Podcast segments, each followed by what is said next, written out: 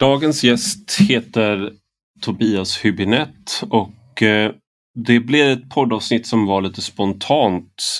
Eh, för jag hade egentligen tänkt att skriva om kritiska vithetsstudier och det kommer jag nog förmodligen att göra också. Det började med att en student eller en, eh, en kille på Twitter som heter Arvid Haag, han eh, la ut en tweet där han sa att han hade wallraffat i, inom fältet kritiska vithetsstudier. Då. Och han hade tagit en kurs på 7,5 poäng och skrivit en inlämningsuppgift. Eh, så jag har pratat med Arvid och jag kommer nog skriva om det. Men jag ville få tag på kursledaren, eh, kursansvariga Jeff Werner, men han är, har fått väldigt mycket förfrågningar och verkar vara under stor press. Han ville inte vara med eh, på en intervju, varken i podd eller att jag ska kunde intervjua honom för en text. Så jag hörde av mig till Tobias Hübinette som är hållit på med eh, kritiska rasstudier, adoptionsstudier och är en av de mest centrala akademikerna inom fältet som har att göra med rasforskning och vithetsforskning i Sverige idag. Um, och kollade om han ville bli intervjuad istället och då hade han möjlighet att vara med i podden. Så då eh, spontant så spelade vi in ett poddavsnitt. Och jag och Tobias har en lite historia. Jag har kritiserat Tobias eh, i många texter och även i boken Så blev vi alla rasister som Adam Sveiman och jag skrev ihop för ett par år sedan. Någonting som Tobias Hübinette har som väldigt få eh, i min erfarenhet eh, inom så att säga, kritiska vithetsstudier, postkolonial forskning och liknande, de som rör sig i det fältet har, det är att han är beredd att prata med människor även om de inte håller med honom. Och det där är en egenskap som är sällsynt, mer sällsynt än vad man kan tro. Och därför är jag väldigt tacksam för att han ställde upp i podden. Han har varit med i, i podd tidigare också där, som jag spelat in. Och Det vi pratar om idag handlar om vad är kritiska vithetsstudier för någonting? För vi har precis fått vår första kurs i Sverige eh, i det, på det området. Hur pratar vi om vithet och ras i Sverige idag? Hur har vi pratat om det historiskt? Vad är jämlikhetsdata? Det vill säga vad bör vi föra statistik på människors hudfärg, rastillhörighet eh, och då i bemärkelsen eh, hur de rasifieras är väl det politiskt korrekta sättet att säga det på. Eh, på deras religionstillhörighet och, och liknande, sexuella läggning och liknande. Vi pratar också om Tobias böcker. Bara i år har han gett ut två böcker. Eh, Svensk rasism under efterkrigstiden, rasdiskussioner och rasfrågor 1946 till 1977.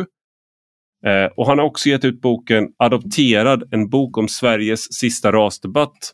Och det pratar vi en del om mot slutet av podden, just att Tobias har varit en person som uppfattats ha en extrem position i adoptionsdebatten till att vara eh, har kommit in i värmen så att säga. Han, eh, jag tror det var Kajsa Ekis Ekman som skrev att he, tiden har gett honom rätt och det håller jag verkligen med om.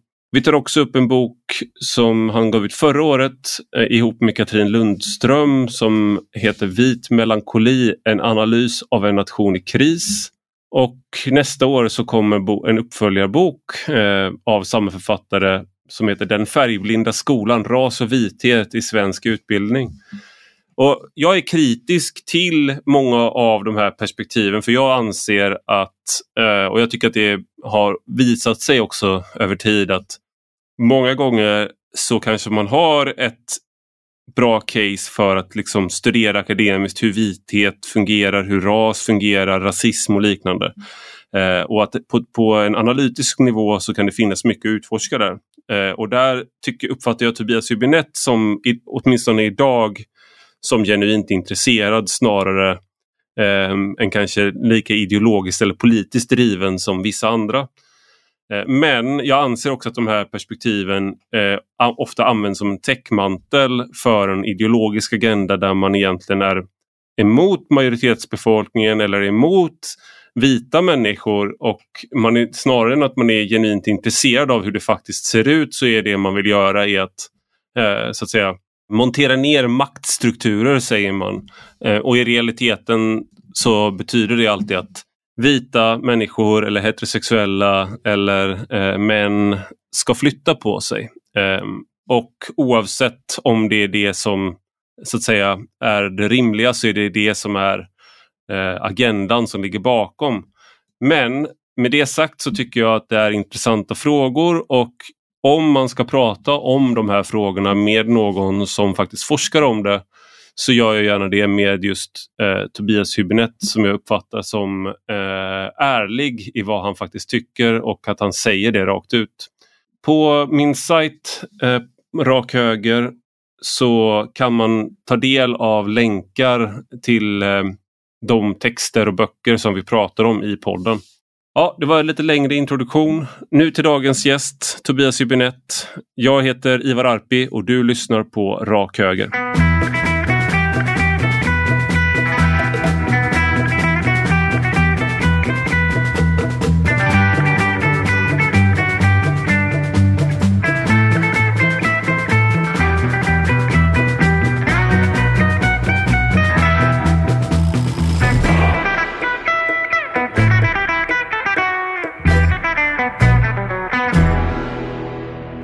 Välkommen Tobias Hübinette till Rak Höger. Ja, tack så mycket. Du är ju en av de få, skulle jag säga, som är villig att ställa upp att prata med mig. Eh, som då en av de få som eh, faktiskt forskar om, eh, om vithet och liksom inom fältet kritiska vithetsstudier där du är en av pionjärerna får man väl ändå säga i Sverige. Du har, du har varit tidig med att skriva om de här sakerna. Eh, ja, jo men så är det väl. Eh, även om jag kanske mer har sysslat med kritiska eh, rasstudier eller kritisk rasforskning. Men det är ju ett tvillingfält det här då. En anledning till att vi spelar in det här nu är att eh, det var en, eh, en av de första, nej den första kursen i Norden eh, i kritiska vithetsstudier hålls på Stockholms universitet av eh, och det leds av Jeff Werner. Eh, och Eh, han är inte här idag så vi ska inte, gå, vi ska inte recensera hans kurs. Jag har frågat honom om han ville ställa upp men han, är, han har ganska hård press på sig nu och anledningen är då att han hade en student eh, som heter Arvid Haag och som eh, så att säga vallraffade på hans kurs och sen så författade en inlämningsuppgift. Det här är en 7,5 poängs kurs då mm. som han har läst. Eh, och i den uppgiften så blandar han eh, slutsatser och resonemang som liknar då eh, fältet kritiska vithetsstudier som passar in där med vissa saker som är eh, mer kanske tänkt då som ett, eh, att driva med fältet som till exempel han, han fokuserar på hur man har beskrivit kaffe och hur man har beskrivit mjölk i eh, svensk eh, reklam framförallt i den här inlämningsuppgiften. Och, och, och, en av de sakerna han skriver då som är uppenbart skämtsamt eller raljant är att han skriver att mjölken, när man har mjölk i kaffet så koloniserar det vita det svarta och att det då är ett tecken på liksom en kolonial praktik. Eh, och den delen är ju liksom helt uppenbart. Men sen en del av det andra är mer så att säga sånt som man läser i litteratur och som kanske också ja, i kritisk vithet, vithetsstudier som är mer återgivning av hur man har skildrat kaffe som kopplat till svarta människor. Mm. Eh, och mjölk som kopplat då till någon slags nordisk eh, manlighet eller nordisk vitalitet, friskhet och hur man har anspelat på det i mjölkreklam och sådär. Mm. Då tänkte jag bara ställa frågan till dig. Vad tänkte du om, om den här historien? Har du, har du sett det här och liksom, vad var din reflektion kring det här? Eh, Jo, men jag har ju följt det, det här som har hänt och eh, ja, jag har ju också följt eh, diskussionen i sociala medier och eh, även jag har ju blivit kontaktad av eh, media och sådär kring den här eh, händelsen. Men eh, som du sa då så Jeff är inte här. jag känner ju honom. det mm. tänker jag inte, alltså det, det vill jag inte sticka under stol med. Och, men ja, jag vill inte Eh, på något sätt uttala mig om eller recensera vare sig hans kurs eller hur han har bedömt den här studenten. Så att Nej. Det, det lämnar vi därhän, tänker jag. Ja. Jag tänker en sak som ändå är intressant då som det här aktualiserar. Eh, jag vill inte få dig att recensera din, eh, din eh, kompis. Det, det är väldigt svårt även för mig att göra det om den här enskilda kursen. Jag har kollat på kurslistan och sånt där och känner igen mm. många. Jag har läst många av böckerna, bland annat de böckerna som du har skrivit. Ja. Eh, och, och, men det jag tänkte som är intressant här är ju då att eh, det här är ju som sagt den första nordiska kursen, första kursen i Norden som är, eh, ges i kritiska vithetsstudier. Och nu mm. då den här händelsen aktualiserar på något sätt vad det här är för ämne och då finns det ju mycket aktualiserar både kritik och eh, liksom de som tycker att det är ett bra ämne. Och jag tänkte då, om, skulle du kunna beskriva liksom hur du tycker, liksom, eh, för du, jag såg när du twittrade om det också att nu har vi vår första kurs i kritiska vithetsstudier och det är liksom en det har vi inte haft tidigare. Eh, då har man självklart har folk som du själv skrivit om vithet och ras mm. eh, och, och, sådär men inte ett helt ämne. Nej, så, inte på det sättet. Nej, så vad, vad, är kritiska vithetsstudier eh, och vad, varför är det bra att det, att det finns på universitetet tycker du? Ja, Eh, nu är det ju inte ett ämne här utan det är, det är en kurs helt enkelt. Eh, ja. Men, men eh, oavsett vilket så är det helt sant att det är den första renodlade kursen eh, på högskolenivå i kritiska vithetsstudier eller kritisk vithetsforskning. Och det här är då, det är ju först och främst ett forskningsfält. Eh, och just inte då ett ämne utan det är tvär, om, om man nu ser det som ett ämne så är det ett tvärvetenskapligt ämne och då också ett tvärvetenskapligt forskningsfält där historiker och samhällsvetare och kulturvetare och eh, vad gäller Jeff då så är han då konstvetare kan nämnas här. Mm. Eh, har ägnat sig åt att studera just frågan om vithet. Eh, och som, som fält eller som ämne så uppstod eh, eh, kritisk vithetsforskning, eller vi kan bara säga vithetsforskning helt enkelt, eh, på 80 och 90-talen kan man säga. Och det var ju då ja, inte överraskande i den engelsktalande världen eh, och framförallt i USA men också i Storbritannien. Eh, mm. Och sen kommer det då till Sverige sakta men säkert från och med ja, senaste millennieskiftet, alltså runt år 2000 och framåt. Eh, och eh, det är en eh, utveckling då som har, den har, den har inte gått särskilt fort men, men sakta men säkert så har ett antal svenska forskarnamn då eh, intresserat sig för vithet i just en svensk kontext. Och då kan det handla om både svensk historia eller dagens Sverige, det samtida Sverige. Mm. Eh, och därmed är vi framme vid den här kursen kan man säga. Så att det finns en förhistoria bakom Jeffs kurs mm. eh, som ju eh, också skulle jag tippa på avspeglas i, i eh, litteraturlistan. Eh, och där Jeff själv också har varit en av dem som har eh, gått i bräschen för det, för det här ämnet kan man säga. då.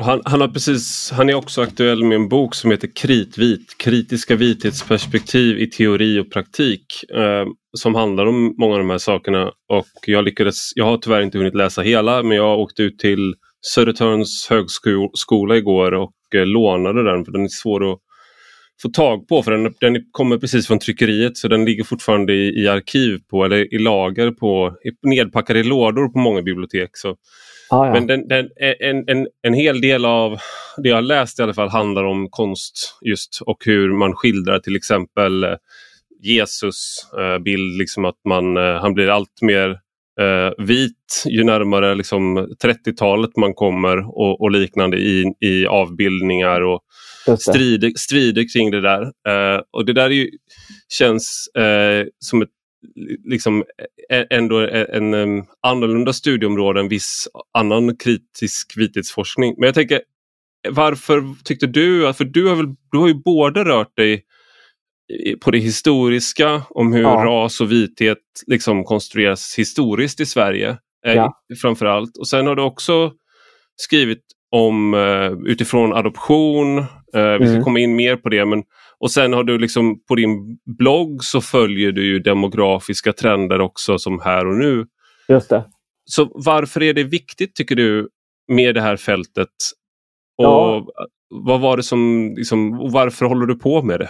ja, nej, jag minns inte riktigt när jag kom i kontakt med fältet men jag tror att det var när jag fortfarande var student och jag tror att det var samband med att jag läste eh, den brittiska eller engelska filmvetaren Richard Dyers bok White som då räknas som en klassiker och en av de här eh, texterna eller böckerna som grundar hela fältet. Och den heter bara White.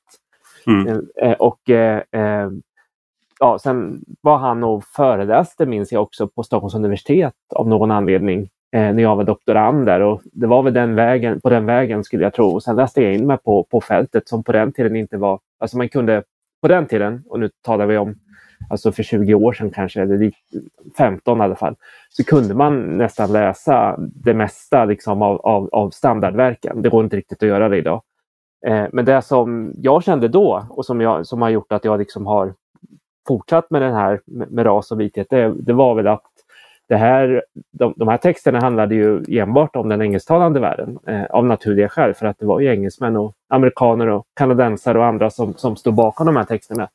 Så mm eh, min mission, och jag skulle tippa på även andra forskares mission, exempelvis CFs då, har ju varit att göra det här till ett svenskt forskningsfält med, med, alltså, som handlar om Sverige och svenskar och svenskhet.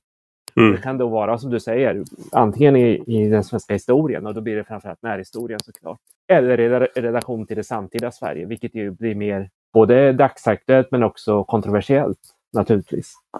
Jag tänker en sak där du befinner dig väl i skärningspunkten, det är din eh, eh du har gett ut två böcker i år och en av dem är Svensk rasism heter den väl? Eller jag har, ja. har den inte framför mig här. Jo, Svensk rasism under efterkrigstiden heter den. Just det, och då drar det fram till 1979 eller var det 77? 77. Ja. Och, och en sak som du tar upp där som jag skrev en artikel som blev ganska uppmärksammad här på rak höger som handlade som utgick från det som då skedde på Strandvägen under sommaren. Eh, och någonting jag kollade på då var hur man har beskrivit liknande händelser historiskt och, och gick då till olika tidningsarkiv och höll på med det där i några dagar. Och det där du gått, gjorde du väldigt mycket djupare, inte då utifrån Strandvägen men hur de här, eh, vad ska man säga, raggarbråk där raggare i Södertälje och på olika ställen i Sverige som man beskrev i tidningar ibland och drabbade samman med, eh, invand med invandrare.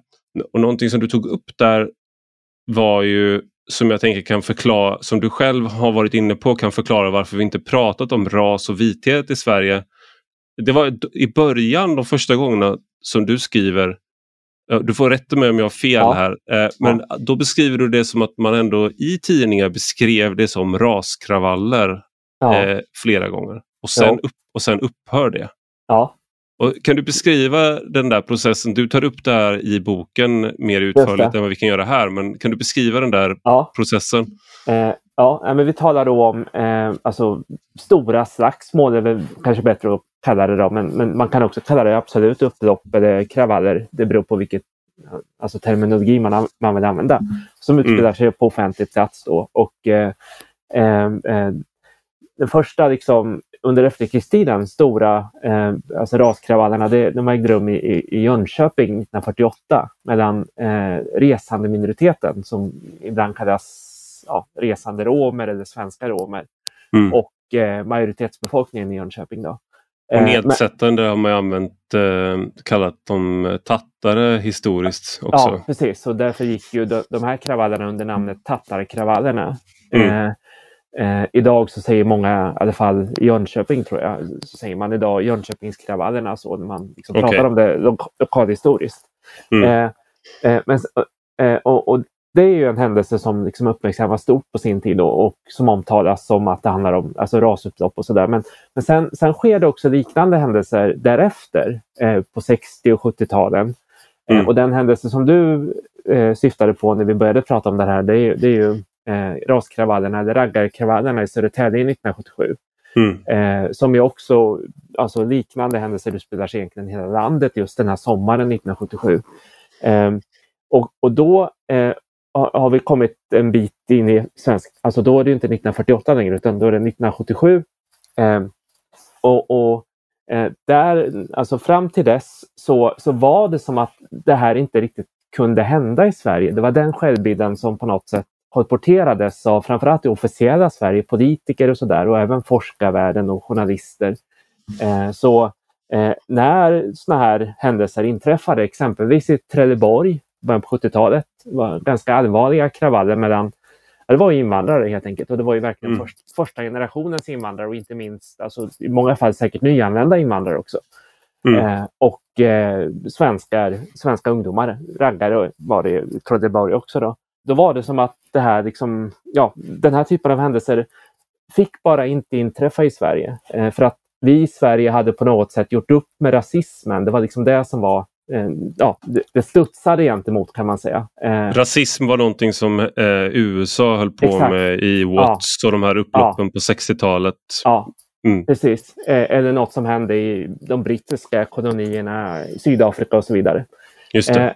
Men 1977 så, så var den här händelsen i Södertälje, den var så allvarlig och den var så tydligt. Liksom, alltså det var ju verkligen ras det handlade om och det sa båda sidorna om vi säger så. Det var i huvudsak då den grupp som vi idag känner som assyrier-syrianer. Mm. Eh, alltså kristna från Mellanöstern helt enkelt som drabbades samman med raggare. Och det var ett riktigt stort slagsmål då just i mm. Södertälje mm. med många skadade och så. Eh, och eh, då var det eh, Aftonbladet och några andra av de här stora drakarna på den tiden att, att helt enkelt rubricerades som raskravaller. Och det blev i mångt och mycket vattendelaren för det var liksom då, då gick det verkligen in att det här också kunde hända i Sverige och det fick mm. också internationella efterverkningar eh, i den meningen att den här händelsen eh, rapporterades det om i hela världen faktiskt, även i det man på den tiden kallade tredje världen. Eh, mm. För att det just var i Sverige och för att också den bilden av Sverige hade kommit att bli liksom allmän även, alltså just det här med att det här kan inte hända i Sverige. Svenskarna är ju antirasister. Just det. Så det var verkligen en traumatisk händelse kort och gott.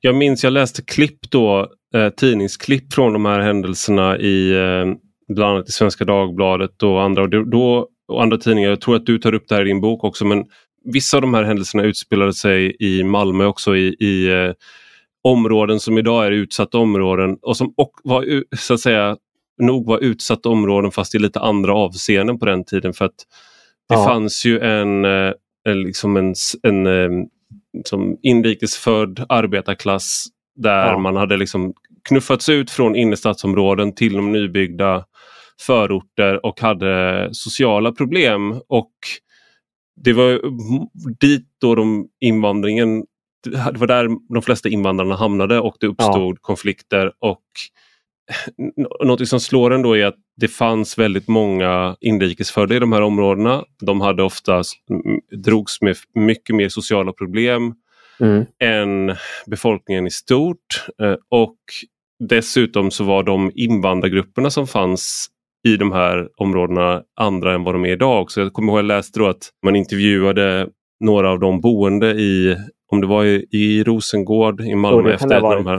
Och ja. då, då är det liksom en grek, en, eh, en jugoslav och en uh, assyrier tror jag det var. Liksom. Och de säger att vi har inget vi kommer vi flyttar från Sverige, vi kan inte bo i ett land där liksom vi blir bemötta så här, där vi måste vara rädda för att bli attackerade. Ja. Alla de så att säga, grupperna är till stor del borta från de här områdena idag. Det är mm. en sak som står. En annan sak som jag tänkte på var att jag tror du tar upp det här också i, om, eh, i Södertälje där när de intervjuade raggarna på plats eh, när det skedde. Ja. Då så kallade de eh, assyrierna för svartskallar. Tror jag det var. Ja, och sen när tidningen intervjuade dem dagen efter eller om det var två dagar efter. Då har de, ett, då har de censurerat bort den typen av språk. Mm. Så att redan då så att säga för då 34 år sedan så är folk medvetna om att det här är någonting som är fult och det här, den här motsättningen är vi vi måste på något sätt, mas alltså, om det finns en motsättning som har att göra med ras, som har att göra med etnicitet så måste man maskera det språkligt. Att mm. raggarna mm. när de blir intervjuade redan då så att säga, eh, man försöker att eh, skyla över det så att säga. Och sen var en annan sak som, som jag tänkte på var att de sa vi kände att det inte fanns plats, plats för oss svenskar längre. Ja, just det. Och det där är också en sån där sak som eh, går igen i, i den här typen av motsättningar. Att man, eh, båda grupper eh, kan känna sig trängda. Och det var ju bo, båda grupperna som intervjuades där kände sig trängda. Mm. Men en sak, nu ska jag lämna över till dig. En sak som jag tänker på är ju då också att vi, den här självbilden om att vi inte kan vara rasister, att det händer inte här. Mm. När du började läsa de här sakerna eh, på, för 20 år sedan då och det mesta handlade om från den anglosaxiska världen. Just det. Var vi inte fortfarande lite kvar? Och är Jo, vi inte jo. fortfarande lite kvar i det, i det nu? Helt klart. Eh, det, det, där var, det där är en självbild och också en bild av Sverige, som har, alltså en omvärldsbild som, som eh, har satt sig väldigt djupt. Och även om den har naggats i kanten eh, och den kanske började göra det, men just kravallerna 77 betydde mycket men ännu mer kanske under 90-talet med, med, med ja, skinheads och nazister och sådär och Lasermannen så, så är det absolut så att det, det, det sitter kvar någonstans att vi är vi är bättre än andra i västvärlden då när det gäller de här frågorna. Eh, Mm. Och eh, eh, vi kan handskas med de här frågorna bättre än andra, inklusive mångfalden dessutom också skulle jag säga. Medan de andra västländerna, eh, de har liksom, ja men antingen har de misslyckats och fallerat eller också så är de helt enkelt bara rasister. Mm. Eh, på ett sätt som vi kanske möjligen en gång var, men inte längre är. Just det. En sak som eh, du har ju fått som är lite eh, ironisk kanske på något sätt, också talande. Det är att du på din, på din eh, blogg så lägger du ut, eh, för det, jag kan rekommendera folk att följa din blogg för den som är intresserad av de här frågorna. Och en, en grupp som följer din blogg är ju också människor som man skulle kunna kalla tillhör den nationalistiska högern. Jo, För du gör väldigt noggrann, eh, liksom, du följer statistiken på den demografiska förändringen av Sverige. Och eh, man kan se då att människor som kanske inte är benägna att läsa kritiska vithetsstudier, eh, de är intresserade av det du skriver. Och när jag själv skrev om Strandvägen så gjorde jag liknande uträkningar. Eh, Mm. Som du utifrån liksom, hur många har utländsk bakgrund, hur Just har det det. förändrats över tid? Ja. Och vad tänker du om det att eh, kanske en sån hemsk person som Ivar Arpi eh, har, Ja. har utbyte av det du skriver men också då människor som är nationalister eller liksom tillhör, Ja. med, har med den, att de läser och också tycker det är intressant. Ja, nej men jag är medveten om att det är så. Och det har jag ju märkt så genom att jag blir refererad till och citerad i alla möjliga och omöjliga sammanhang. Eh, inklusive i de sammanhang du nu syftar på. Eh, och eh, för mig har, har jag väl förhållit mig till det eh, genom att jag, alltså så ser jag på det själv i alla fall, att jag har ju ja, från mitt perspektiv ett, ett stort intresse för det här med just demografisk mångfald som jag då kopplar till ras och vithet. Eh, Mm. Och eh, genom att vi inte har särskilt mycket av den typen av ja, statistik i Sverige så får, får man ju då liksom använda sig av en viss typ av glasögon för att få fram de siffrorna, exempelvis utomeuropeisk bakgrund och sådär, eller utländsk bakgrund. Men Mm. framförallt skulle jag säga utomeuropeisk bakgrund. Eh, och eh, jag är väl en av de få som kanske gör det på det sättet och har gjort det i rätt så många år nu. Eh, och därför är, tycker inte jag att det är så konstigt att det har blivit så. Sen är jag också medveten om att det eh, på vänsterkanten finns en, en slags, väl nästan någon slags, ja, allergisk liksom, in, inställning till just den typen av data och statistik. Eh, Mm. och som jag tror går tillbaka på eh, samma typ av färgblindhet som egentligen genomsyrar, eller i alla fall tidigare genomsyrade både vänstern och högern i Sverige och Sverige i stort. Mm. Och som, som jag tror har överlevt möjligen då, eller jag tror det. Eh, det är väl så jag upplever det i alla fall, längre inom vänstern. Eh, och det har gjort att den här typen av siffror som jag då lägger ut eh, och även skriver om i mina alltså mera akademiska texter och sådär. Eh, det har ju stött på patrull eh, Mm. på den kanten då. Och vad har det lett till? För jag, jag vet ju att du är eh, Ditt namn kommer upp i väldigt negativa termer när jag pratar med människor på högkanten ibland. Eh, att du eh, har skrivit saker om, eh, särskilt längre tillbaka, eh, som folk tycker att tyder på att du, och jag har också kritiserat dig för de sakerna då, liksom att eh, väldigt neg- negativt om vita, ty, ty, liksom på ilska och sånt där. Men på vänsterkanten, där har jag inte lika många kontakter. Vad är, liksom Nej. din, eh, vad, vad är det du har mött för reaktioner där och hur, hur, liksom, hur hemma är du inom Ja, vänstern idag så att säga? Ja, nej, men ta exemplet alltså för några år sedan, inte nu längre, men för några år sedan så jobbade jag en del med eh, några muslimska organisationer. Och gruppen muslimer i Sverige idag, hur man nu än definierar den gruppen, är ju väldigt stor i Sverige. Och Mm. eh, gruppen själv är ju intresserad av liksom, hur, många de är, om vi säger så. Då. Mm. Liksom de flesta minoriteter är. Ehm, för det är ju så att det, minoriteterna själva har ju det här intresset. Ehm, mm. Motståndet finns ju egentligen främst inom majoritetsbefolkningen. Ehm, mm. Och i, det, i, samband med det så, så försökte jag mig på att räkna på antalet eller andelen invånare i Sverige eh, som hade någon slags kulturell muslimsk bakgrund, alltså oavsett om de är troende och, och, och ännu mer kanske praktiserande, för man kan ju vara troende men inte praktiserande och så vidare. Mm. Eh, det finns olika gradskillnader, men oavsett en slags kulturell muslimsk bakgrund på samma sätt som att jag skulle tippa på att du och jag ju har haft en kulturell kristen bakgrund. Eh, mm. Precis. Jag vet, så vet inte om du är troende eller praktiserande, men jag är det inte. Det vet inte jag heller längre. Nej. Heller, riktigt. Nej, okay. Men oavsett, det är en, ja, det, det är liksom... Ja, man är uppenbart kulturkristen i alla fall. Definitivt, och det är jag ja. också. Eh, mm. Och eh, i det sammanhanget så fick jag en hel del kritik från vänsterhåll att det här var sånt som man inte borde syssla med. Liksom att det är meningslöst framför allt och, och varför ska mm. man göra det? Eh, men jag försökte mig på det och fick fram en, en siffra då som i stort sett verkar vara den som dyker upp här och där. Runt 10 mm. procent var det då för några år sedan. Det här är lite som när man pratar om, eh, för, för nu är det ett tag sedan, men förr brukar man säga då det här med att man inte skulle, man, skulle, man sa att Sverige tjänar på invandringen, sa är de som var, tyckte det var positivt. Och sen så var det de som kritiserade och sa att det gör vi inte alls, det kostar. Och då kunde samma personer som sa att man tjänade på det svara med att man ska inte räkna på människor ekonomiskt. Och det är lite något liknande här upplever jag att man å ena sidan så säger man att Sverige präglas av mångfald eh, och mm. mer mångfald mm. eh, och invandringen förändrar Sverige. Och vi liksom, men om någon då sätter sig och räknar på det så är det ofint. Ja, och det beror på vad, alltså vilka variabler det handlar om. För att det är en sak att liksom ange alltså an, an, antalet eller andelen som utrikesfödda. Det är ju inget kontroversiellt alls. Nej. Och kanske inte heller utländsk bakgrund heller, men det jag är intresserad av är ju mer än så. Jag är intresserad av just alltså, variabler som ras, etnicitet, religion, språk. Om vi talar språk exempelvis, vi har ingen bra, eller vi har egentligen ingen språk, språkstatistik att tala om i Sverige. Till skillnad från flertalet länder på jorden och språk är ju oerhört viktigt om man säger så när det gäller frågor om ja, men, integration och så vidare och mångfald det är liksom den typen av variabler som det är då det liksom börjar brännas. Eh, men som sagt, ut, utrikesfödda och utländsk bakgrund är ju, det är ju neutralt idag.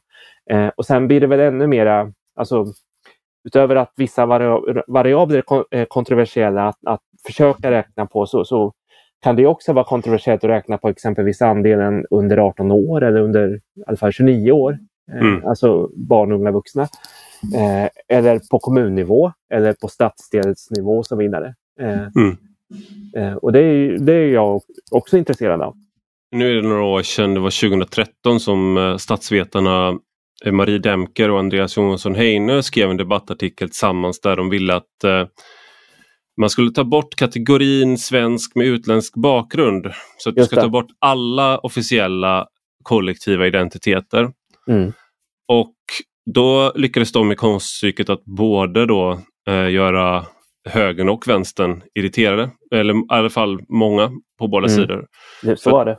Och det mm. där är ju en slags sista eh, tanke då om den färgblinda som säger, myndighetsutövningen och allt, eller liksom färgblind, att vi är helt färgblinda, att vi kan vara det. Och att vi kan ja. vara blinda inför olikheter och då så ska vi inte heller prata om olikheter. Nej. För då så blir vi mer olika. Och jag skulle vilja säga, jag, jag skrev ju Så blev vi alla rasister ihop med Adam Sveiman. Ja. Där vi då kritiserade bland annat eh, raskategorier, att göra det till en del av statistiken. Och du var en av dem som var på motståndarsidan där för oss och som vi argumenterade emot. Mm. Men jag tänkte, du skulle, skulle du kunna argumentera nu då för varför man behöver bättre är det korrekt att kalla det jämlikhetsdata undrar jag också som en sidofråga. Men eh, ja. skulle du kunna argumentera för, förklara vad det är och vad, liksom, varför det behövs? Ja, ja men det kan jag göra. Nu har vi avhandlat det här med, med alltså vilken typ av officiell statistik vi har i Sverige och det är framförallt då utrikesfödda utländsk bakgrund. Vi saknar siffror om religion och språk som vi sa. Då.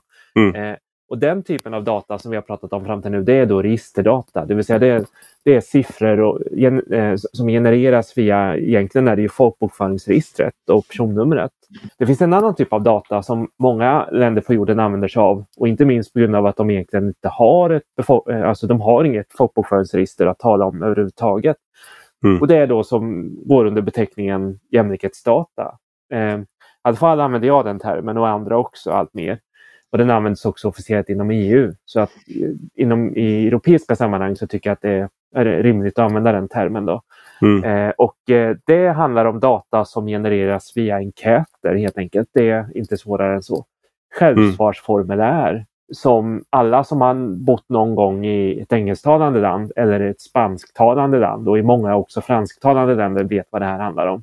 Mm. Det vill säga, titt som tätt så får man en, en blankett i handen eller mejlad till sig där man uppmanas att ange hur man identifierar sig utifrån parametrar och variabler som vi har data på i Sverige via just eh, folkbokföringsregistret. Men mm. också andra variabler som vi då eh, tycker är mer kontroversiella i Sverige. Det vill säga i Storbritannien kan man få frågor just om, om, om vilken raslig identitet man identifierar sig med, vilket första språk man talar. Och då, mm. man, ja, vilken världsreligion som man identifierar sig med och så vidare. Just då, om man till exempel kollar på Pew Research Center som av de stora opinionsinstituten i, i världen. Mm. Där så kunde man nyligen läsa att allt fler amerikaner är unaffiliated vad gäller religiös tro. Att man är, liksom, man är inte troende kristen längre. Nej. Och att den trenden fortsätter och det är ju då, bygger de på den här typen av Ja, så måste det vara. Eh, ja, och då är det för att fylla i liksom. Är du kristen, ja. är du troende på, är du muslim, är du sådär. Ja. Just det. Och även siffror som rör, alltså, det känner vi igen när det är val i USA, alltså att andelen svarta amerikaner som röstar på republikanerna i en viss delstat. Mm. Det kan de ju ange alltså på decimalen i USA eh, och, och, det kommer också från den här typen av undersökningar som görs då. Mm. En kritik som jag hade och som är fortfarande jag eh, har det när man hör förespråkare prata om det här så är syftet att man vill man verkar ha slutsatsen klar delvis i att det man vill visa är att om du är en, det här begreppet som ofta används i synlig minoritet, mm. då så för det med sig negativa konsekvenser och som är då beror på det. Så att säga om du kan spåra till exempel att låt oss säga att vi kan hitta då om vi, om vi gjorde det här mm. införde jämlikhetsdata i Sverige och du kunde hitta att eh, är du svart eh, i Sverige, om du rasifieras som svart om man ska använda den, den vokabulären, då är det så, liksom, si och så många procent större sannolikhet att du har lägre utbildning, du lever i ett utsatt område, du har eh, eh lägre inkomst eller liknande. Och att det är det man vill uppnå med den här jämlikhetsdatan. Men någonting som jag tycker är intressant som jag tänkte om, om du, du ska få besvara det, men också tycker jag är intressant, det är den typen av statistik du kan få fram till exempel i USA då. Mm. När du bryter ner eh, de här sakerna, att man kan visa att eh, trots eh, att de här eh, rasistiska strukturerna då skulle finnas så går det väldigt bra för vissa grupper. Mm. Eh, och att den typen av, eh, till exempel då nigerianer är en sån grupp i USA som många pratar om som om man är då så att säga en vit rasist i USA så kan det vara väldigt svårt att se skillnad, tänker jag, på om en afroamerikan och en nigerian. Men, ja, ja. Så att du ja. kan bemöta dem rasistiskt men det går väldigt bra för den gruppen. Det är en av de grupperna mm. det går bäst för i USA. Mm. Och det där kan man ju då se genom andra indikatorer. Varför är det så? Finns det kulturellt? Alltså man kan, man, det gör det möjligt att studera de här sakerna djupare. Så det där tänkte jag du kunde bara Håller mm. du med om den kritiken mot jämlikhetsdata att det ofta finns ett sådant syfte bland förespråkarna som jag, som jag kritiserar? Ja, eh. Eh, men just att själva termen i sig, då, beteckningen har föregått jämlikhet, det, det, det, ursprunget är då från Storbritannien där det just kallas equality data. Och där är det ju intimt kopplat med diskrimineringslagstiftning och, och annan typ av politik som syftar till att utjämna klyftor av olika slag. Och när EU sen då eh, anammade den här termen, equality data då, eller ja, det heter ju lite olika på de olika EU-språken såklart då. Men officiellt så pratar man alltså om jämlikhetsdata i Bryssel eh, och vill att alla medlemsstater ska praktisera det här. Då är det ju också kopplat till eh, exempelvis det så kallade rasdirektivet som är då en av EUs grundlagar och som handlar egentligen om diskriminering och inget annat. Mm. Eh, så det finns ju inbyggt så på det sättet eh, ett sånt tänk. Det, det, kan jag hålla med om. Men sen i, i, i, länder som USA då, men också Storbritannien som ju som sagt inte har ett, ett centralt eller centraliserat befolkningsregister överhuvudtaget och inget, inget, inget fungerande personnummersystem som vi har. Så mm. eh, är det ju också så som du säger att det går ju, alltså genom att man, man har den här typen av officiell statistik så kan man göra så mycket mer än att bara åtgärda diskriminering av en viss, utifrån en viss variabel. Eh, det blir liksom ett sätt att genomlysa ett helt samhälle eh, med en, en, en, typ av statistik som vi då, alltså som vi helt och hållet saknar i Sverige. Det finns ett antal, om vi bara tar kommunvärlden, eh, så finns det idag ett antal kommuner i, i, Sverige som frågar om variabler som inte finns i befolkningsregistret. Kanske inte de här riktigt känsliga variablerna eh, utan det kan vara sexuell läggning. Eh, mm. Konkret exempel är Stockholms stad, och vår största kommun till, till alltså antalet kommuninvånare, som i sin stora un, ja, medborgar eller invånarundersökning då. Eh, alla kommuner gör såna här stora enkäter. Det är, det är, liksom, det är lagstadgat helt enkelt. Mm. Så det går ut till tusentals invånare i Stockholm för Stockholms del då, eftersom det är en så stor kommun. Och där frågar man exempelvis om, om sexuell läggning numera. Eh, tror också att man frågar om funktionshinder om jag inte minns fel. Mm. Eh, och, och då får man ju fram vissa siffror utifrån vissa, alltså på stadsdelsnivå. Eh, på ett sätt som, som inte går att få fram annars via registerdata.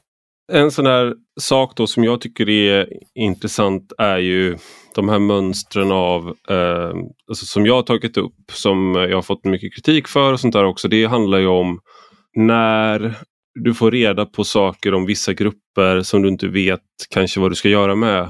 Till mm. exempel mm. att du kan se då i den här senaste Brå att de flesta som begår de här ungdomsrånen, det begås i regel av um, unga med utländsk bakgrund och offren är ofta har ofta, eh, är ofta inrikesfödda eller barn till inrikesfödda. Mm. Eh, och det finns ju fler dimensioner där i det men då är det man har sett att offren ofta kommer från medelklassområden och gärningsmännen kommer oftare från utsatta områden. Mm. Här kan man ju tänka sig att det skulle vara att just de här kategorierna och informationen man får är väldigt knapphändig. Det vill säga du vet inte motiv, du vet inte Um, alltså du, du, tar inte reda på om det finns etniska förtecken i motiven, du tar inte reda på vilka grupper med utländsk bakgrund. Det kan vara så att det är vissa som är dominerar och har vissa... Alltså du, du vet, man får ganska lite information och där skulle det vara intressant att veta mer. Jo. Och det här eh. är ett sådant exempel där jag då tror att jag har eh, svängt i min kritik. Just att jag, jag tror att, och det, det, här tänkte jag inte bolla över till dig, att nu när vi då ser den här demografiska förändringen som är så stor i Sverige, mm. då känns det som att det här är ju någonting människor pratar om. Då borde vi ju ha också verktygen för att förstå det och jag ja. tycker att vi på något sätt, jag vet inte om du håller med mig om det, men det känns som att vi bevarar vår självbild hellre än att vi accepterar att okej, okay, läget är förändrat. Det är förändrat inte bara för inrikesfödda utan också då för mm. är du svart i Sverige? Mm. Det är en erfarenhet som nu finns väldigt många som har. Ja. Men vi har väldigt få verktyg för att förstå det och vi har också ganska få verktyg för att förstå den här, inrikesfödda befolkningens reaktion på det. Ja, eller den judiska erfarenheten eller andra minoriteter ja. som, som vi saknar data på, absolut. Eh, och, och, den självbild som jag tror du syftar på det är ju den eh, självbilden som kanske dels säger att Sverige är homogent. Nu, nu, nu, är det ingen som tror det längre men det satt kvar ganska länge och det satt kvar onödigt länge. Och den andra mm. självbilden är ju då att de här sakerna ska inte spela någon roll i Sverige för att vi, vi är liksom klara med det här. Eh, med de här eh, alltså det här ska, vi är rationella, vi är moderna, vi, vi bryr oss inte om hur människor ser ut eller vilken religion människor eh, tillhör och så vidare.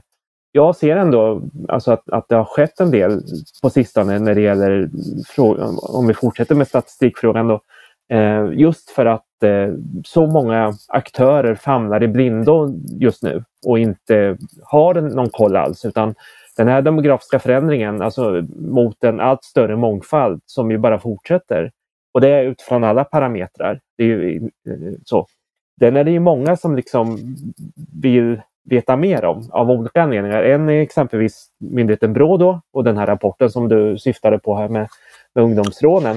Eh, en annan sån aktör är Rädda Barnen som kom med en ganska så omfattande rapport alldeles nyligen som just byggde på jämlikhetsdata kan man säga.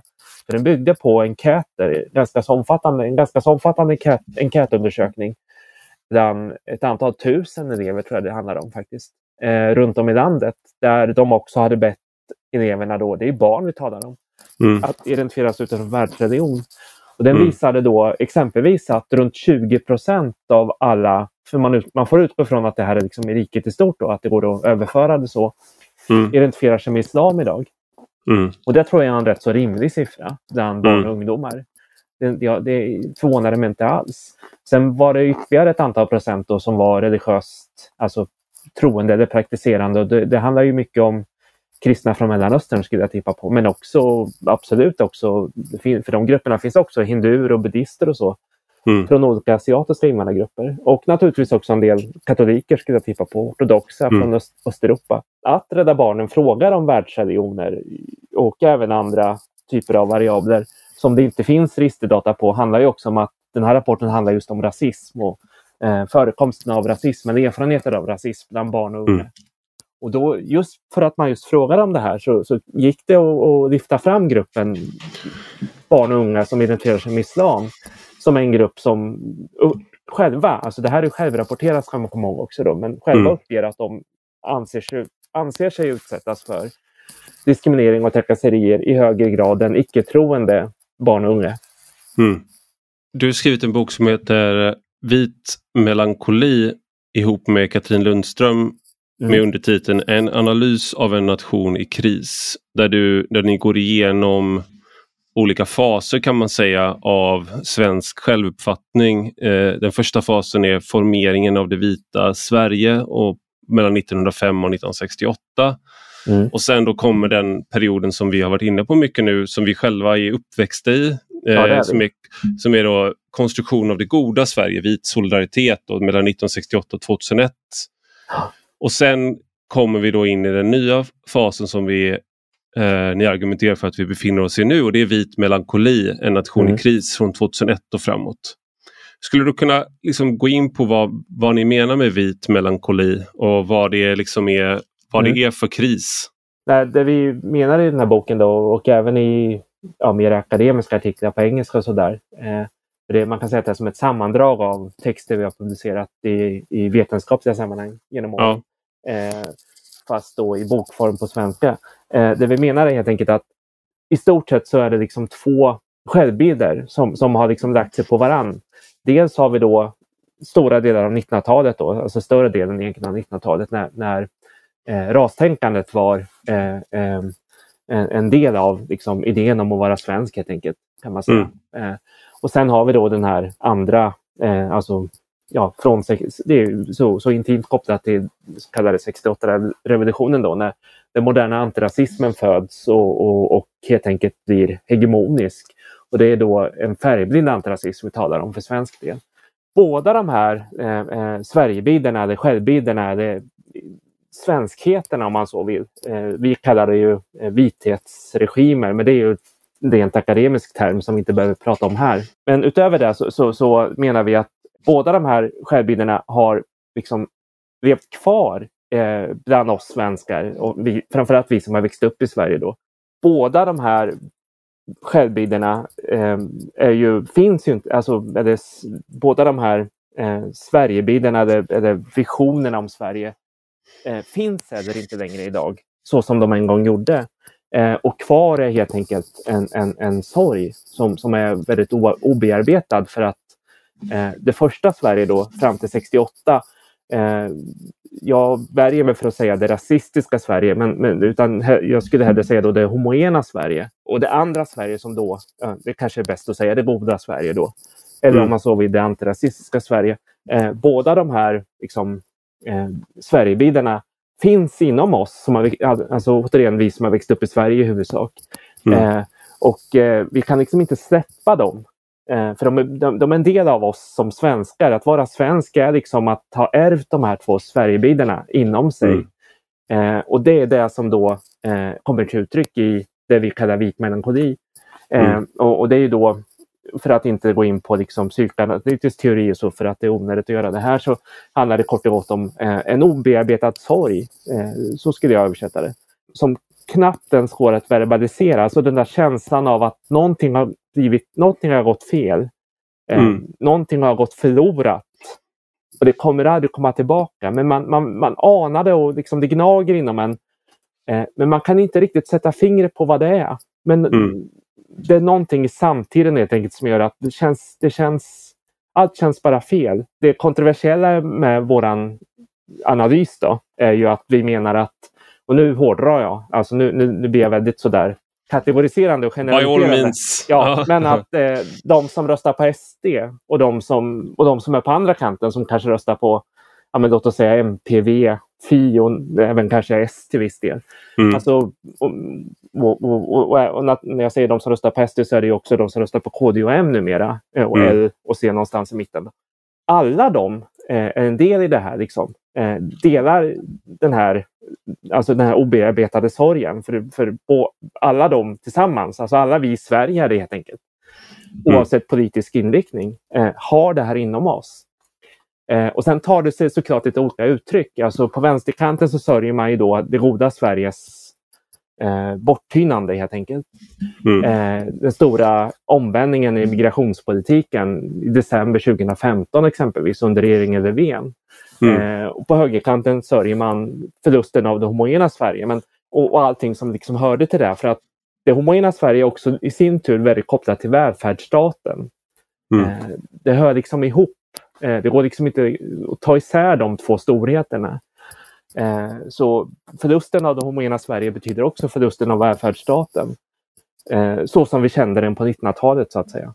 Det är intressant för det, fin- då är det ju det är två olika perioder man blickar bakåt. Och det är så här, allting efter 2015 är en ond dröm på något Ja, sätt. för, för, och det, det, det är väl kanske närmare i tid och det har jag hört från, eh, från flera håll. Eh, då liksom att, och att man känner hur även vänsterpartierna till stor del har svikit där. Och på andra kanten så känner man kanske då att sjuklövern är alla delaktiga i den förändringen som inte har varit positiv. Någonting jag tänker på är också då med det här med vit, den här vit melankoli. Det är väl, nu ska vi inte prata om Jeff så mycket men jag jag en del i den här boken. En sak som slog mig var det här med hur vithet då är.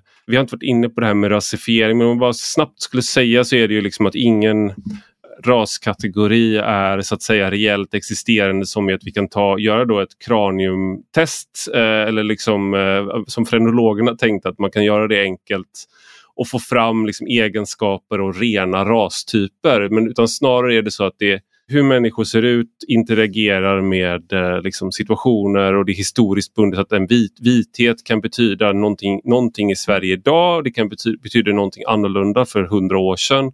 Mm. Och i USA så är det där väldigt tydligt hur olika grupper som först ses som icke-vita, som irländare, italienare och även Mm. skandinaver om man går tillbaka lite längre. Ja. Sen blir en del av vitheten. Ehm, och det kan gå två håll, man kan också stötas ut ur vitheten. Nu, nu har jag ingen forskning på det men till exempel har ju så här Libaneser har, såg som vita under en period i USA men jag vet inte om de gjorde det liksom av människor men sen har det väl där problematiserats i med kriget mot terrorismen och liknande. Det finns säkert bra studier på det där som jag Jo, vet så inte är det men i alla fall att det går framåt, kan gå fram och tillbaka Ja. lite grann.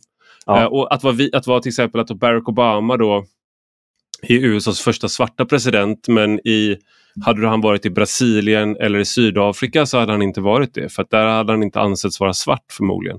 För att han har en vit mamma. Mm. Eh, utan då i Sydafrika hade han varit eh, färgad och inte Ja. svart. Och hur det, där då, det är det som är rasifieringsprocessen och, och det där pågår även i Sverige, vem som anses vara vit. Eh, jag menar, om man kollar på vissa skolor så kan man då, om man använder de här trubbiga instrumenten som utländsk bakgrund, kan man se att här går det 30% med utländsk bakgrund och sen så kollar du att ah, men 90% har eh, föräldrar med eftergymnasial utbildning. Så förmodligen så är det snarare kanske eh, Östeuropa, alltså det är en annan typ. mycket.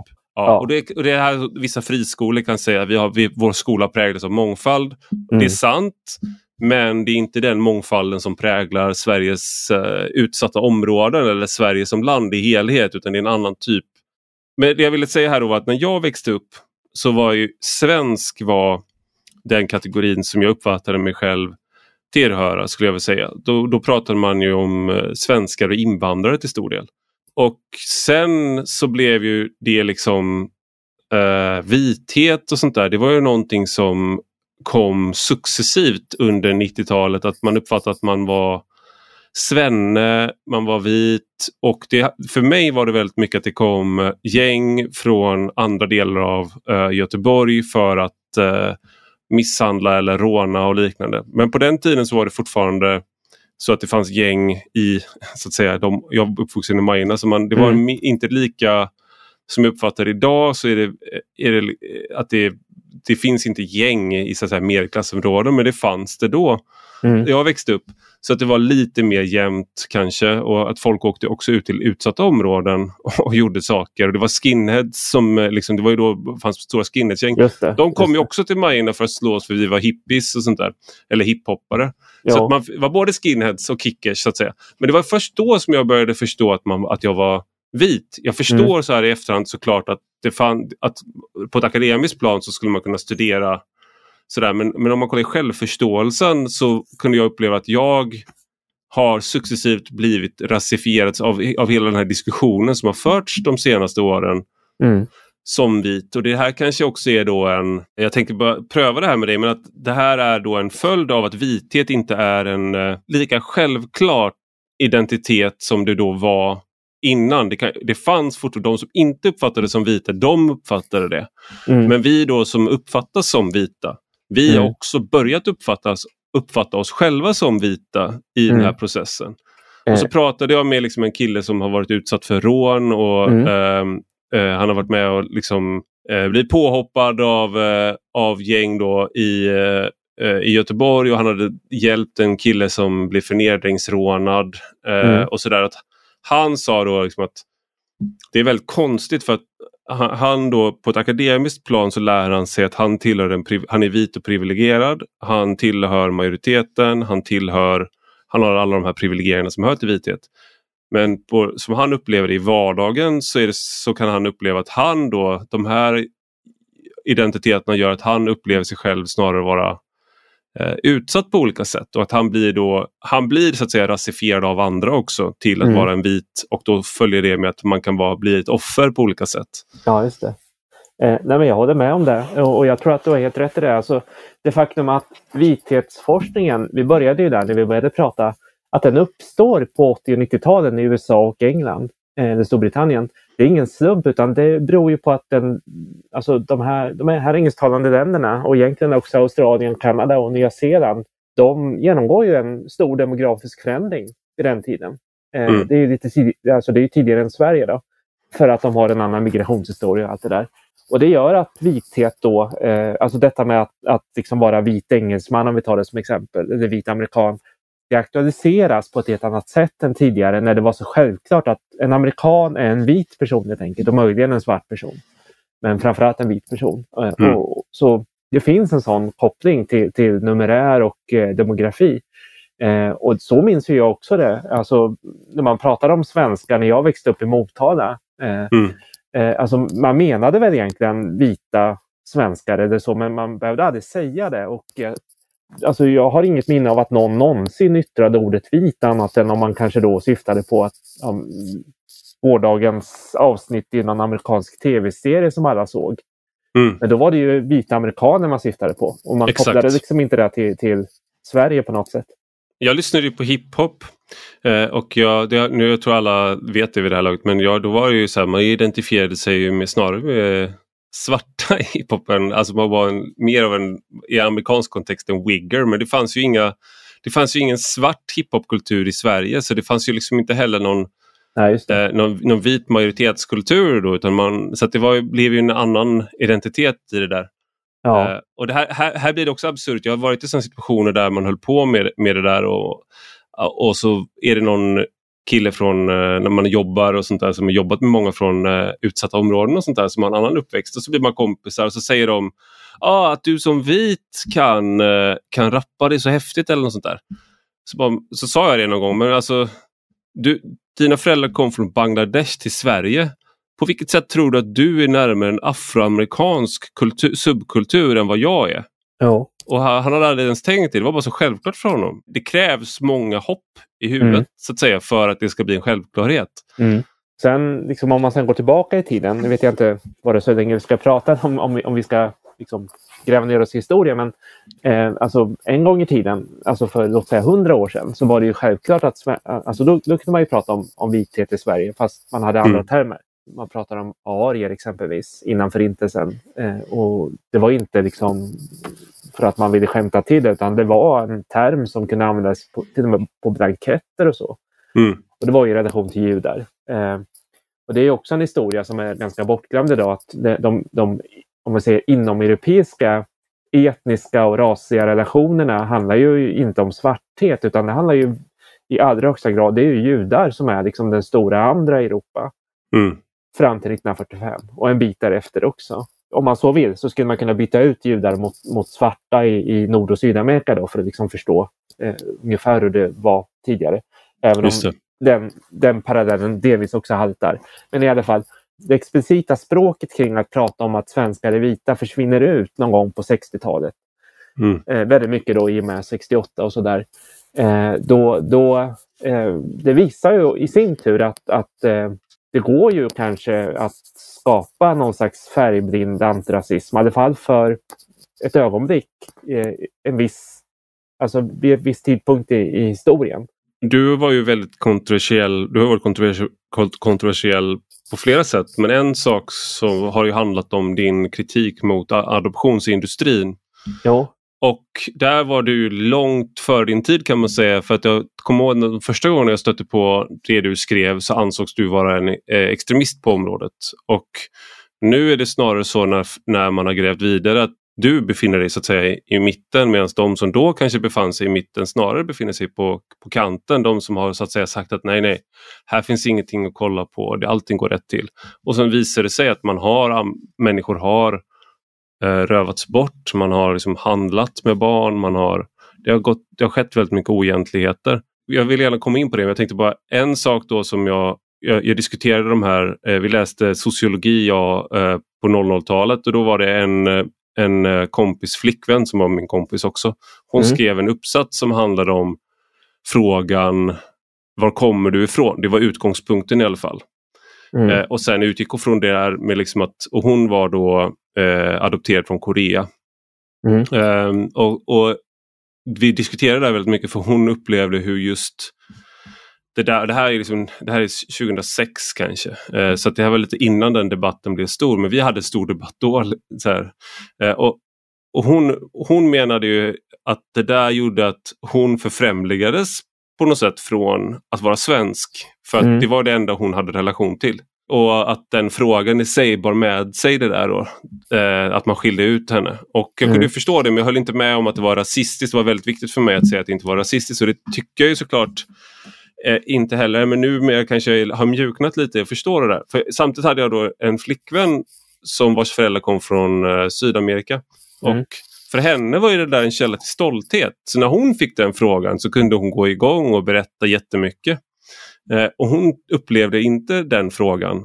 Så de hade helt olika upplevelser. Ja, just det. Eh, för att för henne var ju hennes bakgrund och ursprung, det var ju stolthet. Det var någonting hon liksom Jo. det var inte någonting hon, hon, det gjorde inte henne till en främling upplevde hon utan tvärtom var det liksom en viktig del av hennes identitet. Mm. Eh, jag tänkte för dig då när du liksom har det här med här, att upprätta den här färgblinda Mm. identiteten. Blir inte det extra förljuget då? Du har ju själv adoptionsbakgr- adoptionsbakgrund. Ja. Blir inte det där liksom en del i då för, för, för liksom att det förljugna i det färgblinda? Att, Jo, eh, den grupp jag tillhör är ju en sån grupp som, som har, kan man säga, drabbats av färgblindheten på det här sättet att det har blivit väldigt svårt för oss att verbalisera erfarenheter som rör rasism eller rasif- rasifiering. Just för att vi saknar ett språk och, och, och beskriva det helt enkelt.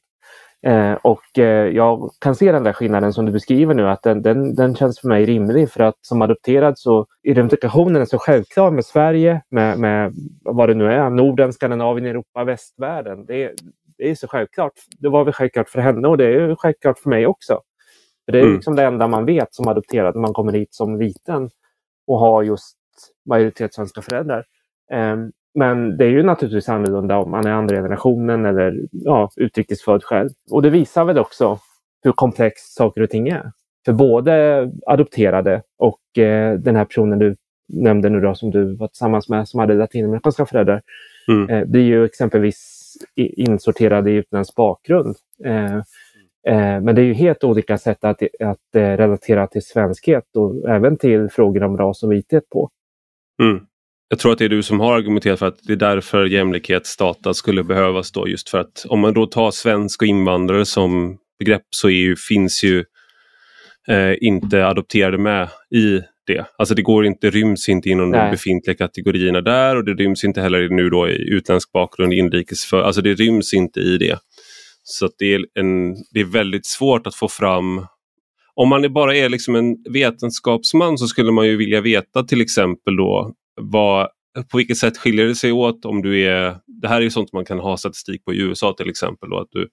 du, har, du är afroamerikan sedan eh, 1800-talet eller någonting och eh, jämföra det med någon som då är nigerian till exempel. Så man har en likartad, eh, likartat utseende, möter systemet med liksom på det sättet liknande förutsättningar. Men vad gör då den kulturella bakgrunden, hemmahörigheten, vad gör det och vad gör migrationserfarenheten för en nigerian? Man kan göra de här sakerna. I Sverige mm. så har vi väldigt svårt att ta reda på, på det där. Sverige. Jag, jag tänker en sak till här då är ju hur östasiater eh, i USA är allt mer säga, undanskuffade i eh, mångfaldskategorin. Och att man har haft till exempel östasiatiska studenter som driver eh, rättsfall mot Harvard för att man då har inte längre räknar in eh, östasiater i sina mångfaldsmål. Så att man sätter liksom tak på hur många som kan komma in. Och det gör man då med argumentet att man ska återspegla befolkningen och det går helt enkelt för bra för östasiater i regel. Det finns andra grupper det går väldigt bra för eh, i USA också som Indian Americans. Och nu menar jag inte native americans utan Indian americans och sen eh, nigerianer är en sån grupp som också har gått väldigt bra för. Som mm. också är då överrepresenterade på Ivy League-universitet. Det här blir intressant, tänker jag, ur en sån här, jag skulle vilja höra din reflektion om det där och bara med att, liksom att man har om du ser några sådana tendenser i Sverige, att man har så att säga splittrar upp grupper för att de inte passar in i berättelsen om att om du tillhör en minoritet så går det sämre för dig. Mm. Eh, jo men alltså nu, nu när vi pratar om, alltså du använder termen synliga minoritetsinvånare, visual, mm. visible minorities helt enkelt. Eh, på svenska skulle, ja, kort och gott icke-vita. Svenskar mm. är icke-vita minoriteter i Sverige. Så är det ju så att i praktiken så talar vi ju mestadels numera om personer som har bakgrund antingen i Mellanöstern eller subsahariska Afrika. Och eh, andra grupper eh, blir allt mindre liksom, eh, inkluderade i, i, i, den diskussionen. Eh, latinamerikaner till viss del och möjligen också Centralasien, Sydasien ibland. Men Östasien, Sydostasien, den gruppen som ändå är ganska stor i Sverige till numerären, eh, nästan en kvarts miljon invånare faktiskt har bakgrund i den, den regionen har ju eh, definitivt hamnat utanför diskussionen om, alltså vare sig det handlar om diskussioner om rasism och diskriminering eller diskussioner om integration och migration så, så, så är det så. Eh, och, och det, ja, det, det är ett faktum helt enkelt. Och, eh, eh Sen finns det företrädare från den gruppen själva då som, som, som ju också har påpekat att det är så. Eh, mm. och, och, nu under pandemin så har det också eh, uppstått en, en, en, eh, en besvärlig situation i den meningen. Eh, nu var det framförallt under första och eh, början på det här året, alltså första pandemiåret och våren 2021 kan man säga, alltså innevarande mm. år fast i början av året. Och, eh, då var det ju en våg av hatbrott som drabbade personer med bakgrund i Östasien och Sydostasien i både Sverige mm. och i övriga västvärlden. Mm. Eh, och då var det ju faktiskt så. Eh, ja, det finns ju siffror på det i den engelsktalande världen att det var ju både majoritetsinvånare och minoritetsinvånare som gav sig på asiater. Eh, mm. Av olika anledningar kan, kan, man kanske tänka sig, men det är svårt att veta. Eh, så det är helt klart så att asiater är en grupp som, som faller utanför. Inte bara i USA utan också i Sverige. Det finns ju paradoxala konsekvenser av det. Jag vet inte om du håller med mig om det här men en sak är att man är väldigt, väldigt känslig för att framställa svarta, vi var inne på den här eh, inlämningsuppgiften av Arvid Haag där man då till exempel gjorde sak på 30-talet när man lanserade kaffe, eller 20-talet kanske det var. Eh, och man pratade om eh, liksom, ja, n-ordet och sånt där. Den där typen av framställningar av svarta eller muslimer, man är väldigt känslig för det där. Det blir väldigt eh, och hur man framställer dem på film och liknande. Men jag har i alla fall upplevt eller liksom jag, jag, man är inte rädd på samma sätt för att, alltså jag ska säga att östasiater är en av de sista grupperna som är ganska okej okay att vara rasistisk mot utan att du blir, hamnar i kylan. Mm. Jag, jag, såg på Modern Family som jag tycker är en väldigt eh, rolig komediserie och eh då har det homosexuella paret de har adopterat en, en flicka från Korea tror jag det är. Okay. Och, men en sak som då är med där är att en uh, östasiatisk kvinna då, eller asian american, att hon kör dåligt. Mm -hmm. Och jag hade aldrig liksom, jag blev utbildad då i en fördom för jag, bara, jag fick googla liksom. Så här, Asian American drive, drive, driving badly eller någonting så här. Mm. Så bara, det är en fördom man har i USA. Men, men jag skulle liksom, att göra det med eh, andra grupper. Jag menar inte att den här serien gjorde det på ett dåligt sätt men det har bara slagit mig och jag undrar om du, om du håller med om det att det här är just på kanske just paradoxalt för att det är en grupp som man då inte är så här, bekymrad om på det sättet. Att det också då blir eh, mer okej okay att vara, man, man är inte lika mån om att vara så att säga woke vad gäller asian americans eller östasiater. Ja, ja, jag håller med om det. Och det är ju likadant i Sverige. Eh, att det är ju, eh, om det är någon minoritet som det är okej okay att skämta om och eh, eh, ja, både producera och konsumera eh, olika stereotyper kring dem så är det ju asiater. Och det gäller både bland majoritets och minoritetsinvånare i Sverige. Finns ju ståuppkomiker som, som ju inte är majoritetssvenskar som också ägnar sig åt sånt här. Eh, mm. Tyvärr. Eh, och eh, nu är det ju på någon slags anekdotisk nivå det här men, men man, man, hör ju liksom asiater i Sverige berätta om att eh, när de blir liksom tråkade på stan om vi säger så, alltså folk ropar åt dem eller skrattar åt dem eller i värsta fall ger sig på mm. dem så är det ju lika ofta majoritets och minoritetsinvånare som gör det. Och kanske tyvärr allt oftare eh, i högre grad just minoritetsinvånare. Det här är också någonting som jag tänker då rent i den här kritiska vithetsstudier perspektivet då. Du, du, kanske inte håller med mig om det men då är, finns det en tanke om ett majoritetssamhälle som sitter på privilegierna.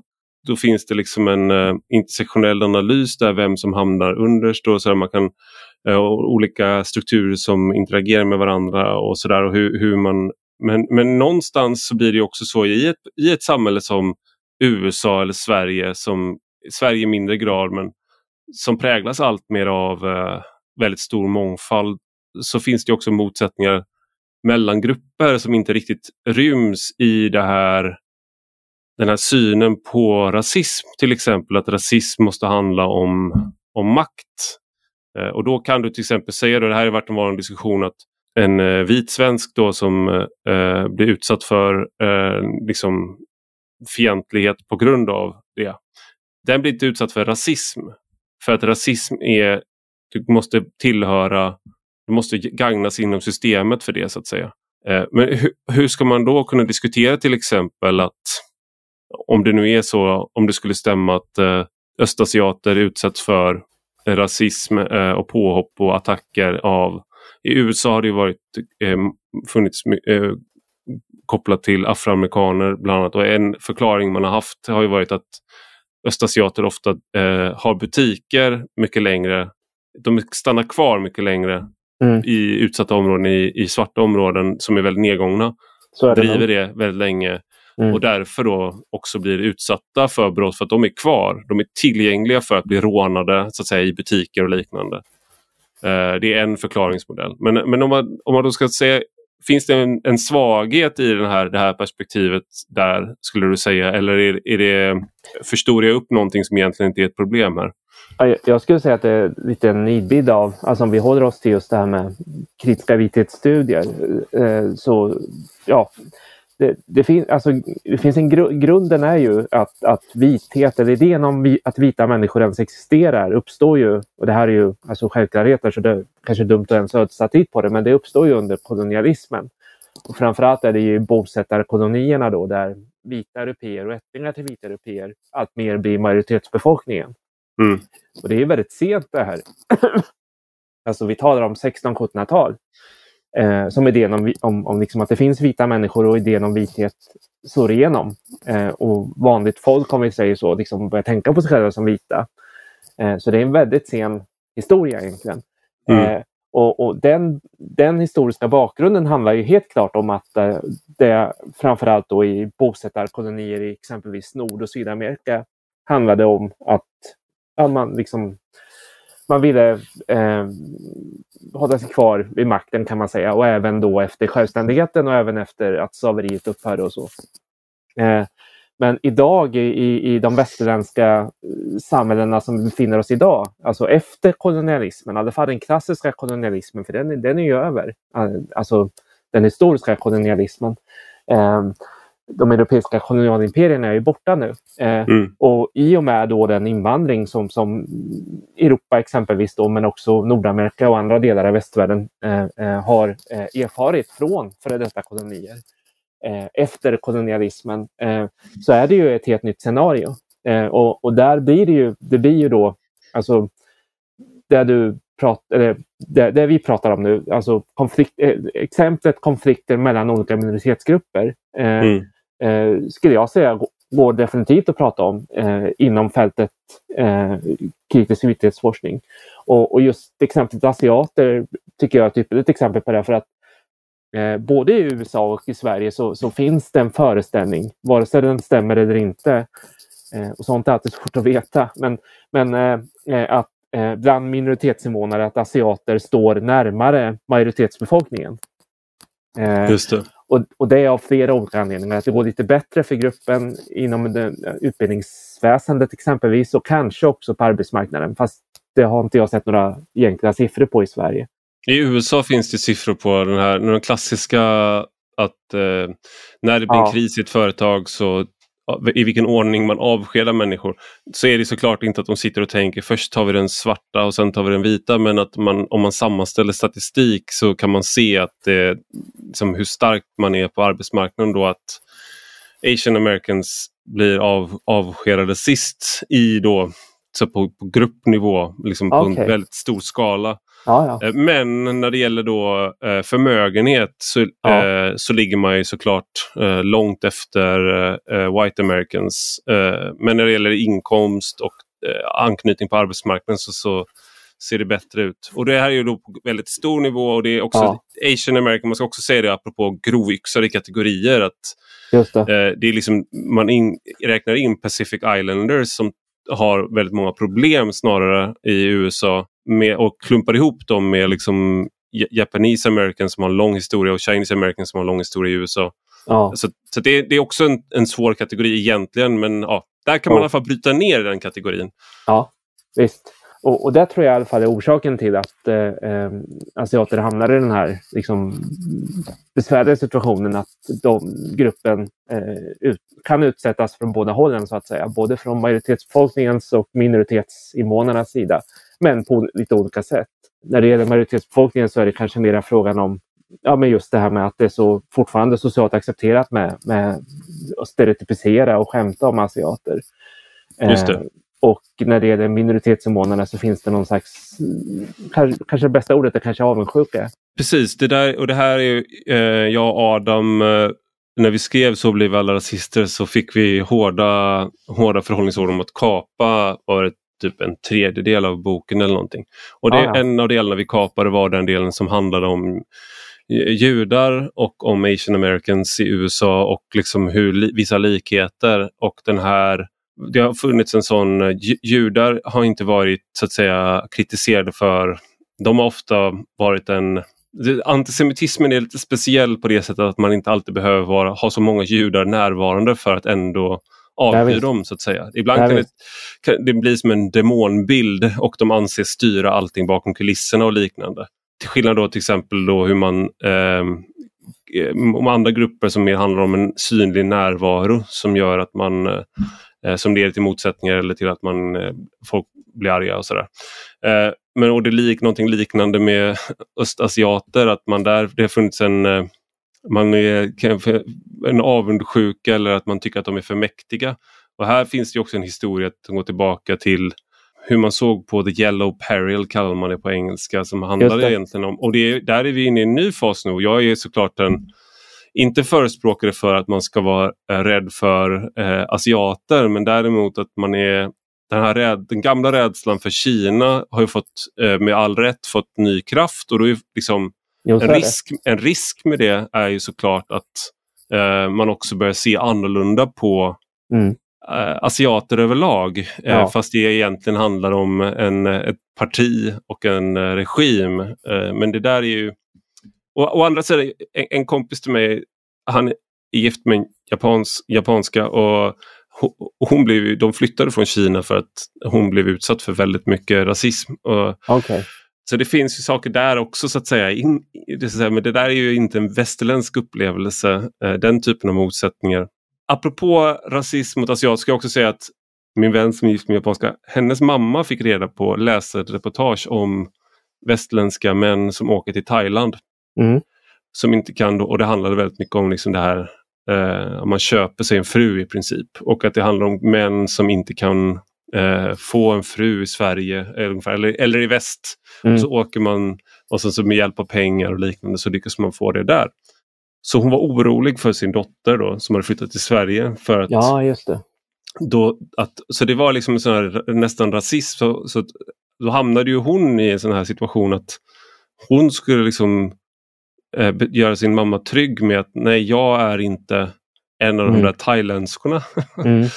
så det blev väldigt, väldigt obekvämt för det blev rasistiskt på så många olika nivåer. Uh, men det där är också en intressant aspekt i att liksom de som, att det finns en specifik rasism mot Thailands, thailändare eh, mm. i Sverige. Eh, men jag vet inte vad jag vill komma med det här men det är, det, det, det är komplext med hur de här statusgrejerna fungerar. För jag tänker att vissa saker som drabbar thailändare till exempel i Sverige, det drabbar inte andra.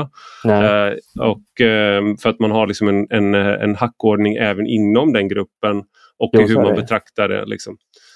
Så är det det sista här nu, jag vill inte släppa dig innan du säger några ord om adoptionsindustrin och hur du ser på rapportering kring det här och hur mm. diskussionen mm. har rört sig och hur du så att säga, om du har fått uh, upprättelse mm. i det ja. som har hänt. Ja, men det får man väl säga att jag har fått och, och det är jag väl medveten om att, att, att, att, jag har fått och det har ju skett under det här året då framförallt. Eh, kort kan man väl säga så här att eh, jag har väl varit en av de få eh, som, som då har ja, yppat eller eh, publicerat kritik av just, ja, nu pratar vi alltså om internationell adoption eh, och framförallt adoptioner från eh, det som i alla fall tidigare handlade om fattiga länder. Sydkorea var ju exempelvis tidigare fattigt. Då. Och då har det, min kritik just handlat om att det här har varit och är till viss del fortfarande en industri och inget annat. Och att det i stort sett har handlat om en slags förtäckt människohandel. Och det här var ju någonting som jag förfäktade alltså redan på 00-talet då i ja, men DN och även i vänstersammanhang inte minst. Då. Mm. Eh, och, så. Eh, och på den tiden så var det ju helt klart så att jag blev stämplad som en extremist. Och även då inom i vänstersammanhang. Eh, eh kanske snarare inte minst där, men absolut också på högerkanten. För det här var liksom, alltså vi talar om det land som då har adopterat flest barn från andra mm. länder per capita. Eh, och allt som då har uppdagats under året tack vare dels DNs artikelserie och dels eh, eh, ja, Uppdrag gransknings eh, dokumentär men också att många vuxna adopterade själva har trätt fram från, från som, som då exempelvis har hittat sina eh, första föräldrar, ursprungsländerna och, och då liksom har fått sanningen eh, berättad för sig, vad som egentligen hände. Mm. Eh, det är ju det är under det här året som det har skett. Eh, och eh, ja, det är lite speciellt med Sverige för att när någonting svänger så kan det gå väldigt fort. Ja. Det var ju så då, för att alltså, göra en lång historia kort, att det var egentligen bara Vänsterpartiet som drev den här frågan, eh, och, låt säga de senaste tre, fyra åren då bakåt. Eh, men plötsligt så står alltså alla partier eh, bredvid V eh, i riksdagen och eh, kräver av Eh, och det här är då alltså innan Magdalena Anderssons regering tillträdde, så det var ju Stefan Löfvens sista rödgröna regering. Eh, mm. eh, skulle tillsätta en, en utredning och gå till botten med eh, eh, just adoptionsindustrin. Mm. och, och, det gjorde man ju till slut. Och, och, flera ganska så hårda debatter i, i riksdagen ägde rum där ja, det var verkligen konsensus bland alla partier från SD till V eh, mm. och alla partier däremellan. Eh, vad gällde då inställningen att Sverige måste göra upp med det här nu en gång för alla. Och nu, ja, för bara någon månad sedan så, eh, ja, så tillsattes utredningen. Så den, den arbetar just nu. Har du någon, själv någon roll i utredningen? Nej, jag känner ju utredaren sedan tidigare, men det är mer för att vi båda är högskolelärare och sådär, forskare. Mm. Eh, men det, det, har jag inte. Det är intressant, apropå självbild, så är det här, känns det här som en del i det också. Att vi i Sverige, vi hjälper eh, fattiga länder genom att ta hit deras, deras stackars barn. Ja. Och i någon mån, så jag, jag, jag, de som adopterade tänkte säkert så. Att man då är, liksom tänker att det kan inte, det, har, det här går till på rätt sätt för att man är så övertygad kanske om sin egen godhet eller sina egna goda motiv kanske i alla fall. Ja. Så att man inte liksom lyssnar på att det där, du, du kanske har goda motiv men det kanske inte går till, rätt till ändå. Mm. Eh, och ungefär så har det gått till. För intentionen går det inte att tvivla på. Den har ju, alltså, den har ju helt klart handlat om, alltså utöver att man själv då vill, alltså vill få barn, så har, har mm. det helt klart handlat om att man vill göra gott. Det har inte handlat om någon slags cynism på något sätt. Utan det har just handlat om en, en, en svensk självbild som man får i sig som svensk helt enkelt. Och som gör att det här kunde fortgå så länge. Har vi missat någonting? Är det någonting annat vi ska ta upp? ja, vi har avhandlat väldigt mycket. Vi började ju i eh, den här kursen då och i, i vithetsforskningens både framväxt och eh, ankomst till Sverige och hur man kan tänka kring det hela. Mm. Eh, och sen ja, vad är det mer? Jämlikhetsdata, asiaters situation och nu adoption och en hel del annat däremellan. Svensk modern historia när det gäller frågor om rasism. Så ja, det är väl den typen av frågor som jag helt enkelt forskar om. Så ja. jag har väl täckt av ganska, ganska stor del av de, de frågorna. Ja, jag är väldigt glad att du kom hit också. Och för det, ska jag säga det, eh, utan att vara insmickrande så är du en av de få som, som faktiskt ställer upp när man frågar. Jag har försökt att, liksom, det här har jag sagt och skrivit om en del, men att jag, man försöker få till debatter och diskussioner med eh, meningsmotståndare eller människor som man kanske tror att man har en del gemensamt med men som eh, också har en del meningsskiljaktigheter med så är det väldigt svårt ofta. Och jag tycker det är synd och därför är jag glad att eh, man... Eh, jag, menar, jag vet inte hur extremt olika vi är. Vi är mindre olika nu än när vi började debattera med varandra. Men så, så stort tack Tobias Hübinette för att du var med i Rak Höger. Mm, ja, men tack. Och stort tack till dig som har lyssnat. Detta är alltså en del av en större publikation på Substack med samma namn som podden. Den som prenumererar där får två texter i veckan utöver den här podden varje söndag. Gillar man det man läser och hör så får man gärna bli betalande prenumerant för 5 euro i månaden eller 50 om året. Och Då får man också ta del av lite extra material som är exklusivt för betalande prenumeranter. Du hittar rubbet på ivararpi.se. Och har du några frågor eller synpunkter kan du alltid mejla mig på ivararpi Vi hörs om en vecka.